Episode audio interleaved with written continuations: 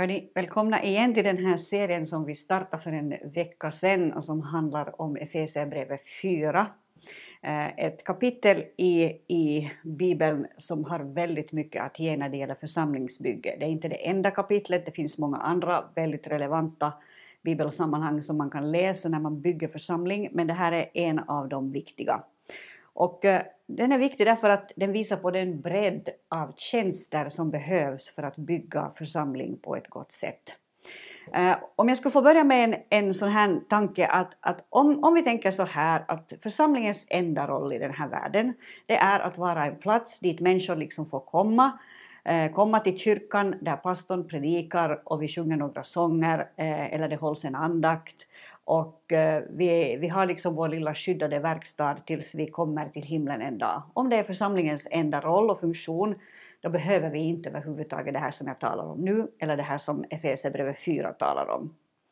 Eh, men då gör vi inte heller det som vi som församlingar är kallade att göra. När Jesus här profetiskt, och vi sa ju förra gången att Jesus har alla de här tjänsterna eh, i sin person. Han var apostel, han var profet, han var evangelist, han var herde, han var lärare. Och när Jesus talar i bergspredikan i Matteus 6 så använder han ju den här bilden och det är som en profetisk hälsning kunde vi säga om församlingen. Han säger så här att ni ska vara som en stad på ett berg eh, eller som ett ljus i mörkret. Uh, och när han i, i Matteus 28, i, i det som uh, kallas uh, för missionsbefallningen, jag tänkte faktiskt läsa den texten, i slutet av Matteus 28 så, så säger han vad som, eller så formulerar han det som är församlingens kallelse och roll genom alla tider, eller alla församlingars roll genom alla tider. Och då säger han så här. Då trädde Jesus fram och talade till dem och sade, jag har fått makt, jag har fått all makt i himlen och på jorden. Gå därför ut och gör alla folk till lärjungar. Döp dem i Faderns och Sonens och den helige Andes namn och lär dem att hålla allt vad jag har befallt er. Och se, jag är med er alla dagar in till tidens slut. Det här var de sista verserna i Matteus 28 och i Matteus evangeliet för övrigt som helhet. Och Jesus säger alltså här att han har getts makt i himlen och på jorden och därför kan den kristna församlingen iklädd den makt som är Jesus Kristus mitt ibland oss. Eh, därför kan den kristna församlingen påverka i praktiken hela världen. Och det här sades ju en tid då världen såg ut och framförallt möjligheter att resa i världen såg ut på helt andra sätt än i vår tid. Och nu är våra möjligheter att resa också jättebegränsade på grund av eh, den epidemi som råder i våra länder. Men, men, men om vi skulle ha normalläge så är det fullt möjligt för oss att ta oss hur långt som helst. Och Jesus säger gå ut och gör alla folk till lärjungar. Och för att vi ska kunna göra det här, inte bara skapa sammanhang där människor kommer samman hör en predikan, säger att det var bra eller dåligt och så sjunger de några sånger och så går de hem. Utan om vi ska kunna skapa sammanhang som utrustar människor till att påverka de städer och de länder där de bor i, vilket ju är församlingens verkliga kallelse. Alltså vi är här för att göra en, ett, ett, inflytande eller ha ett inflytande i de städer där vi bor. Om det ska kunna ske, då behöver vi den bredd av tjänster som Efesierbrevet 4 ger uttryck för. Då räcker det inte bara med att ha en snäll pastor, en herde som står där framme i kyrkan och som håller sin andakt och så är alla nöjda och går hem. Eh, det har ju i och för sig en funktion, då har vi fått kanske ett tröstens ord och det är inte dåligt i sig. Men om församlingen ska utrustas till tjänst, då behövs en bredd av gåvor. Om vår kallelse är, och jag har skrivit ner fyra ord som jag skulle understryka, om vår kallelse är inflytande i Vasa, eller inflytande i Finland, om vår kallelse är att påverka i Vasa, inte bara inom, inom, inom kyrkans dörrar utan påverka i staden. Om vår kallelse är bredd och djup, då behöver vi de här fyra tjänst, förlåt, fem tjänsterna som Efesierbrevet 4 ger uttryck för. Och det står så här, jag ska läsa den här texten delvis på nytt, jag läser inte alla verser som vi läste förra gången, du kan gå tillbaka och kolla upp det Youtube-klippet, men, men eh, jag ska läsa några verser från Efesierbrevet 4 för att vi ska få upp den där tonen på nytt igen. Eh, och där används eh, ett ord på grekiska som heter katartizo och som egentligen betyder, eller som på svenska har, utru, förlåt, har översatts till utrusta. Eh, det stod nämligen så här eh, i vers 11 och 12 i i Efesierbrevet 4 att eh, han gav några till apostlar, andra till profeter, andra till evangelister och andra till herdar och lärare. Det skulle, och så kommer det här ordet, det skulle utrusta de heliga till att utföra sin tjänst, att bygga upp Kristi kropp, tills vi alla, notera ordet alla, tills vi alla når fram till enheten i tron och i kunskapen om Guds son, till ett sådant mått av manlig mognad att vi blir helt uppfyllda av Kristus. Så den bild som han tecknar, och det här är igen lite upprepning nu, men det är mognad, det är en församling, det är en Kristi kropp som är kompetent, som fungerar i den stad där den finns, som påverkar, som har inflytande, som är helt uppfylld av Kristus, som är en försmak av himlen, som är en upplevelse av Jesus. Om det är vår kallelse, då behöver vi alla de här funktionerna som Efesierbrevet talar om. Då behöver vi aposteln, då behöver vi profeten, då behöver vi herden, evangelisten och läraren. Eh, och jag brukar tänka så här, och jag, jag, eh, jag tror att det är rätt att tänka så här, men du är fullt fri att tänka egna tankar och bedöma själv, och det här är inte någon, någon typ av undervisning som ska på något sätt liksom på ett osunt sätt styra ditt liv så du inte vågar tänka något annat, utan använd din egen hjärna, läs den här texten själv och gör dina egna bedömningar. Men jag brukar tänka så här att, att de flesta människor passar in under no, no, någon av de här fem gåvorna. Då menar jag inte, och hör det, hör det så att du inte vad heter det, misstolkar mig eller citerar mig fel någon gång, då menar jag inte att, att alla troende är antingen apostlar eller profeter eller herdar eller evangelister eller lärare. Men jag menar att en, en människas gåva och gåvor och ens läggning kan komma in under någon av de rubrikerna. Så att det som finns i ens liv eh, faller in under rubriken det profetiska. betyder inte att man är en profet och att man har tjänsten som en profet. Men det kanske betyder det att man är stark i den profetiska gåvan och man, man har en prägel som, som passar in där. Eller man är stark i, den her, i en herdegåva. känner många väldigt goda såna här cellgruppsledare som har ett hjärta för människor och som är herdar på den nivå där de är satta. Och det är liksom ett uttryck för den här eh, beskrivningen som vi hittar här. Det handlar alltså inte om att de har en tjänst, eh, att, att vara apostel eller herde eller profet och så vidare, utan de faller in under den rubriken och de kan på något sätt spegla sig själva i, i den rubriken. Och idag så ska vi tala om, om aposteln, om, om församlingsplanteraren, om, om grundaren av församlingar. Uh, och jag vill ännu innan jag säger någonting kring den specifika gåvan säga så här att, att de, här, de här gåvorna som vi talar om här, aposteln, profeten och så vidare, det handlar inte om titlar. Så att när jag kommer nästa gång till din församling på besök, om jag får komma, så, så står det liksom inte här på en liten sån här knapp någonstans att Camilla Klockars profet eller Camilla Klockars lärare eller herde eller vad som helst. Det, inte, det handlar inte om titlar som vi på något sätt eh, hur ska jag säga, briljerar med. Det är inte erkännanden som vi har fått, utan det är praktiska gåvor som ska göra församlingen skicklig och bred i sin input och i sin output. Jag säger det en gång till, det är praktiska gåvor som ska vara till välsignelse för människor.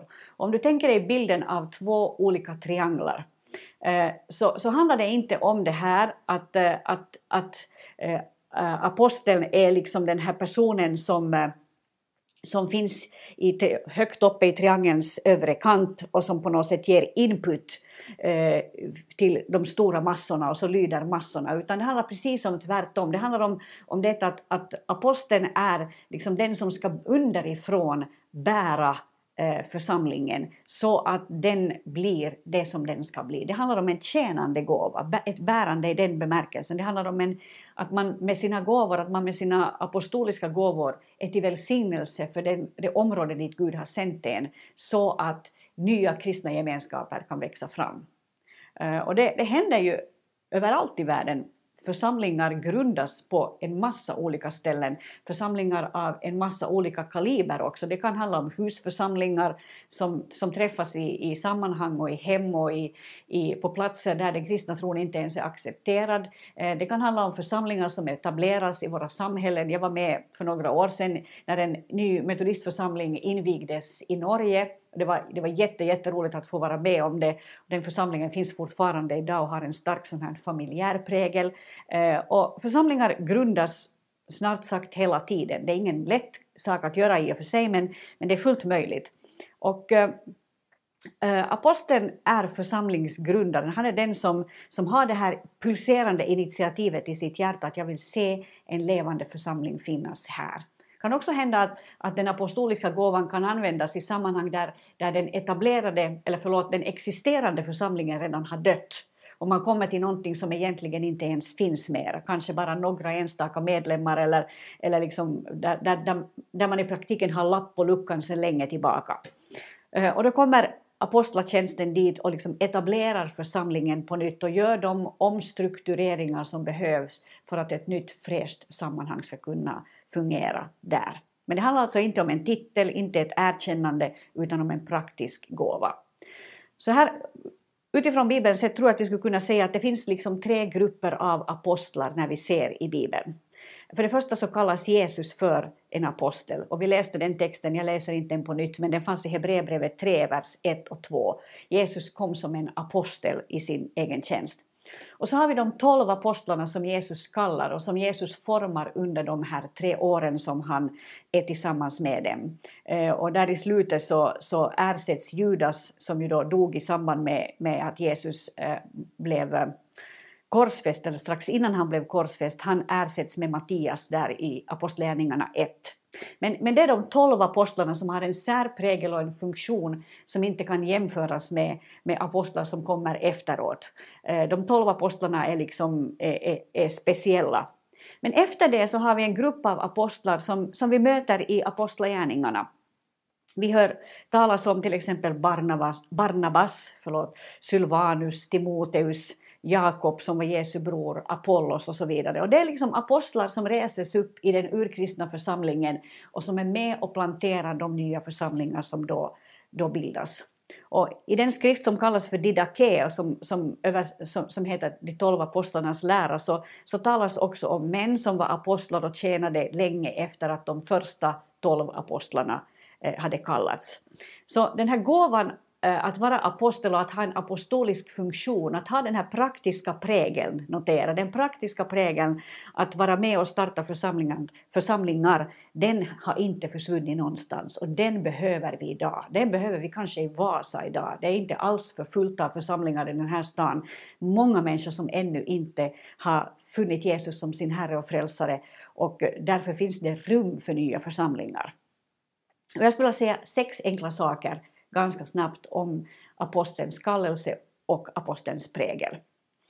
För det första, och jag har egentligen tangerat det redan men jag kan inte understryka det tillräckligt mycket nog därför att det är så lätt att bli kritiserad i en undervisning om apostlar om, eh, och, och, få höra att det finns inte några apostlar mera. Det är liksom någonting som är passé och det, eller, eller så att det bara handlar om människor som är ute efter en titel eller ute efter att, att på något sätt eh, göra sig själv synlig. Och därför vill jag säga så här att apostelns kallelse det är ett tjänande ledarskap. Det handlar om att tjäna. Eh, och, eh, och det, det, står i, i första Korinthierbrevets trettonde kapitel där aposteln Paulus säger så här om, om, om att eh, tjäna i den första kristna församlingen. Eh, det står så här i en av de sista verserna, om det inte är den sista versen, i, uh, i första, förlåt, första Korinthierbrevet 13, det står så, eh, står så här, nu är jag inne i fel, fel brev. Det står så här i vers 13. Uh, eh, nu består tron, hoppet och kärleken, dessa tre, men störst av dem är kärleken. Uh, och uh, Eh, han, han, säger också i ett, annan, i ett annat sammanhang att, att nu ska jag visa er en väg, förlåt, det är i, i första Korinthierbrevet 12 och 31, eh, nu ska jag visa er en väg som vida överträffar alla andra vägar. Och så börjar han tala om kärlekens väg. Och det är under den rubriken, den väg som överträffar alla andra vägar, kärlekens väg, eh, som vi hittar den här kallelsen att fungera som apostel. Det är att vara i ett tjänande ledarskap där syftet är att resa upp en plats där människor kan få möta Jesus. Eh, jag tar det här som en parentes och det här handlar inte om att jag på något sätt försöker placera någon slags apostolisk kallelse över mig själv, men det enda jag har varit med om som liknar det här lite. Eh, så det är när jag, när jag kom som pastor till den församling i, i, i Kokkola eh, som hade grundats eh, för, för över hundra år sedan. Metodistförsamlingen i Kokkola, dit, dit vi kom år 2007, där det fanns bara en människa kvar i praktiken i den församlingen. När man kommer till ett sådant sammanhang och när liksom utmaningen finns på den nivån att här finns i praktiken ingenting utom ett gammalt förfallet hus som är fruktansvärt skitigt och som, som inte har sett eh, en uppdatering på väldigt, väldigt länge och liksom församlingen har, har, har gått ner i, i sjunkit ner i, i dyn. Eh, då, då, liksom, då, då, tror jag att det första man behöver ge i det läget, och, och där tror jag att, att det apostoliska, den apostoliska inputen kommer in, då behöver man ge en vision av att här kan det börja hända någonting. Det här kan förvandlas. Det här är, inte, det här är liksom inte den här församlingens sista dag. Och jag minns när vi kom till den här församlingen och jag såg det där eländigt skitiga huset Eh, och, eh, och, och, allt skräp som behövde kastas ut därifrån och liksom allt som på något sätt vittnar om att det här är passé, den här, det här stället har liksom ingen framtid. Jag minns bara hur det pulserar på insidan av en tro på att det här kan svänga. Det som också fanns på insidan det var en sån här övertygelse om att det här kommer inte att ta ett halvt år och så kan vi få härifrån och då är det fixat. Utan jag tänkte för mig själv att här kan jag vara i tio år, jag har inte bråttom någonstans. Därför att mina barn var dessutom små, eller våra barn var dessutom små, så jag var, jag var hemma med barnen eh, till 90 procent av tiden och satte 10 procent på församlingen, så det var verkligen ingen stor satsning heller. Men, men, men det fanns liksom en sån här, jag skulle nästan vilja kalla det en övernaturlig tro på att det här kan bli till någonting. Och jag tror att, att, att det är det som händer när en apostel, och nu talar vi inte om mig utan nu talar vi om apostlatjänsten, när en apostel kommer till en stad eller rörs av det han ser i en stad, då kommer en outkuvlig vad ska vi säga, en okuvlig tro på att här kan saker och ting förändras. Det här kan bli något helt annat utifrån det tjänande ledarskapet och utifrån det här visionära. Eh, för det andra, eh, det första var alltså det att det handlar om ett tjänande ledarskap. För det andra så kan vi säga så här att, att även om aposteln har en bred tjänst, och vi brukar använda den här bilden att apost, aposteln är, om man tittar på en, en människas hand så kunde vi använda handen som en bild för de här fem gåvorna som vi hittar i Efesierbrevet 4 och säga att, att lillfingret är som lärartjänsten. Lillfingret använder vi till att peta i öra och få liksom detaljerna bort därifrån. Och, eh, och lärartjänsten kan liksom peta i, i, i undervisningen och verkligen ge Eh, ljus över sånt som andra människor kanske inte ens ser i Bibeln. Eh, och så har vi, så har vi uh, det här fingret som vi använder när vi, när vi strö, strör, när vi sätter på en ring uh, och vi gifter oss och det är liksom herden som är gift med församlingen, som har ett hjärta för församlingen och som har, som har en, en puls för församlingen. Så har vi det här fingret, det här längsta fingret som är evangelisten som når längst ut i stan, som når dit andra inte når. Och så har vi pekfingret och det är profeten Eh, som pekar i vilken riktning vi ska gå, som pekar i tro att här kan Gud börja göra någonting nytt. Och så har vi aposteln som når alla de här fingrarna och som på det sättet i sin egen tjänst har någonting av alla de här fem gåvorna eh, därför att, att de behövs i initialskedet när man startar en församling. Och även om apostelns tjänst på det sättet är bred, att den täcker alla de där fem fingrarna, så förefaller det i Bibeln som att apostlarna tilldelades begränsade områden. Inte så liksom att en apostel kan tänka att jag har hela världen. Jag börjar i Vasa och sen tar jag Helsingfors och sen tar jag vilka områden som helst, utan de tilldelades olika områden. Det står i Galaterbrevet 2 och vers 8 så här. Ehm, Galater 2 och 8. Han som hade gett Petrus kraft att vara apostel bland de omskurna har också gett mig kraft att vara det bland hedningarna.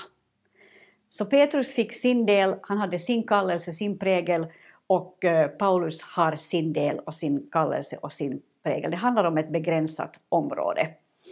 Eh, för det tredje, aposteln är den som, som etablerar grunden, som skapar en god grund för en församling. Och där ser vi kanske skillnaden mellan en om en evangelist, nu, nu försöker jag teckna bara ett exempel och det här behöver inte stämma till 100 procent, men jag gissar att om en evangelist försöker starta en församling så blir tyngdpunkten väldigt mycket på att predika för de ofrälsta, se dem komma till tro, men sen finns kanske inte kapaciteten att liksom bidra med den där lärargåvan som, som ger människor en bredd i tron och som ger människor en stabilitet i tron.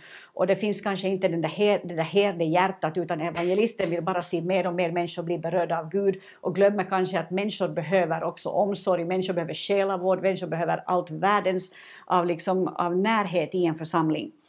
Eh, men, men aposteln som kanske har någonting av allt det här, det är en bred tjänst som ändå är på ett, ett, ett begränsat område. Aposteln sätter grunden i församlingen och skapar på något sätt förutsättningar för det där breda. Det står i Apostlagärningarna 14, 21-23 så här. Apostlagärningarna 14, 21-23.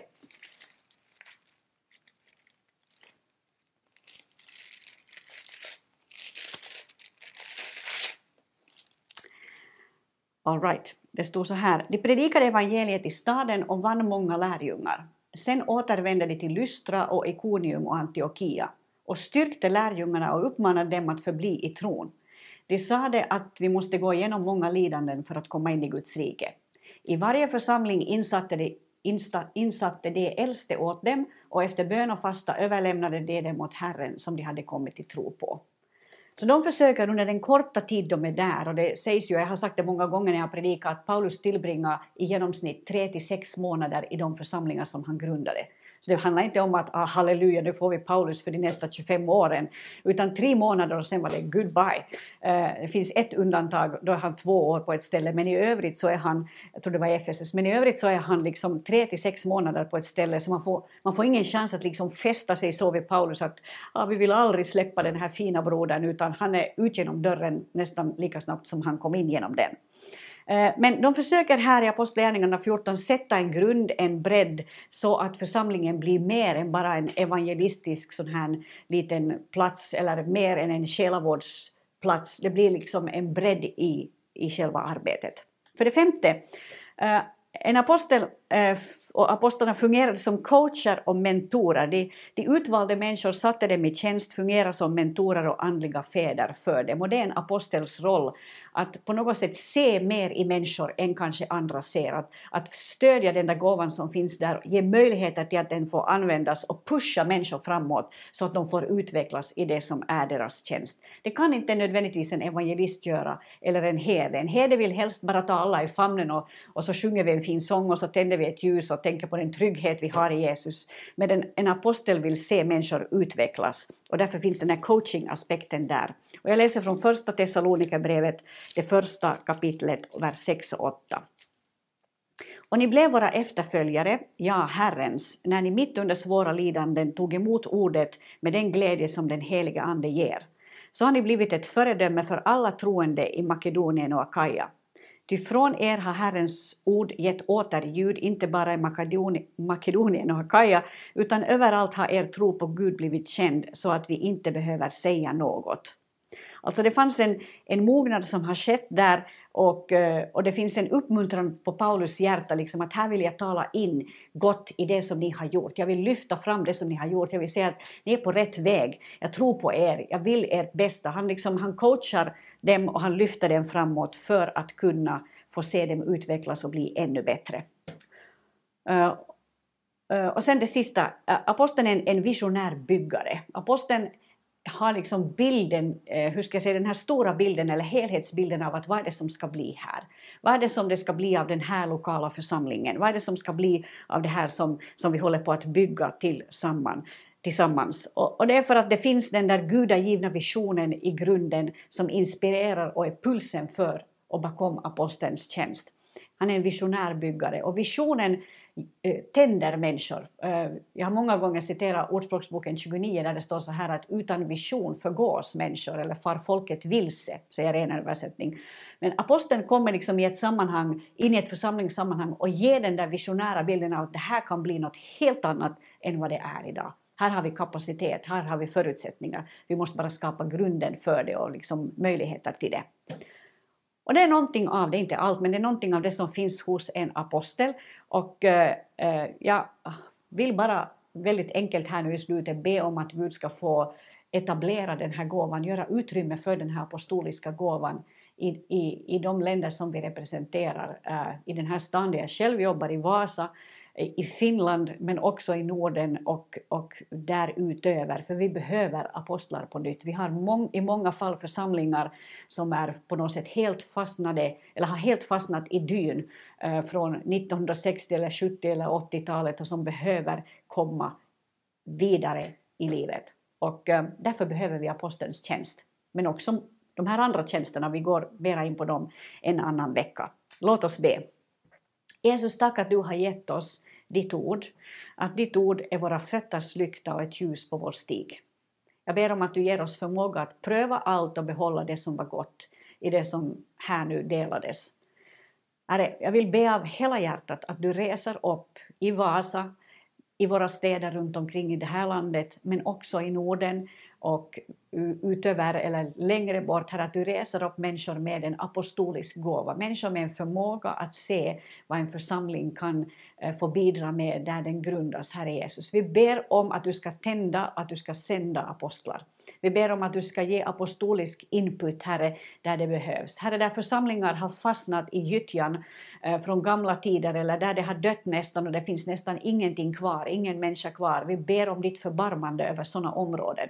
Vi ber om att du för in eh, din Ande, Herre Jesus, med kraft och med makt, Herre, så att nya växter kan få växa upp, så här billigt talat, och församlingarna kan få utvecklas till de platser och de sammanhang som du har tänkt att de ska vara. Herre, vi vill vara ett stad, en stad på ett berg. Herre, vi vill vara ett ljus som lyser starkt. Herre, vi vill vara församlingar som gör en skillnad i de städer där vi bor. Herre, låt så ske. Sätt din hand över våra liv. Det ber vi om i Jesu namn. Amen.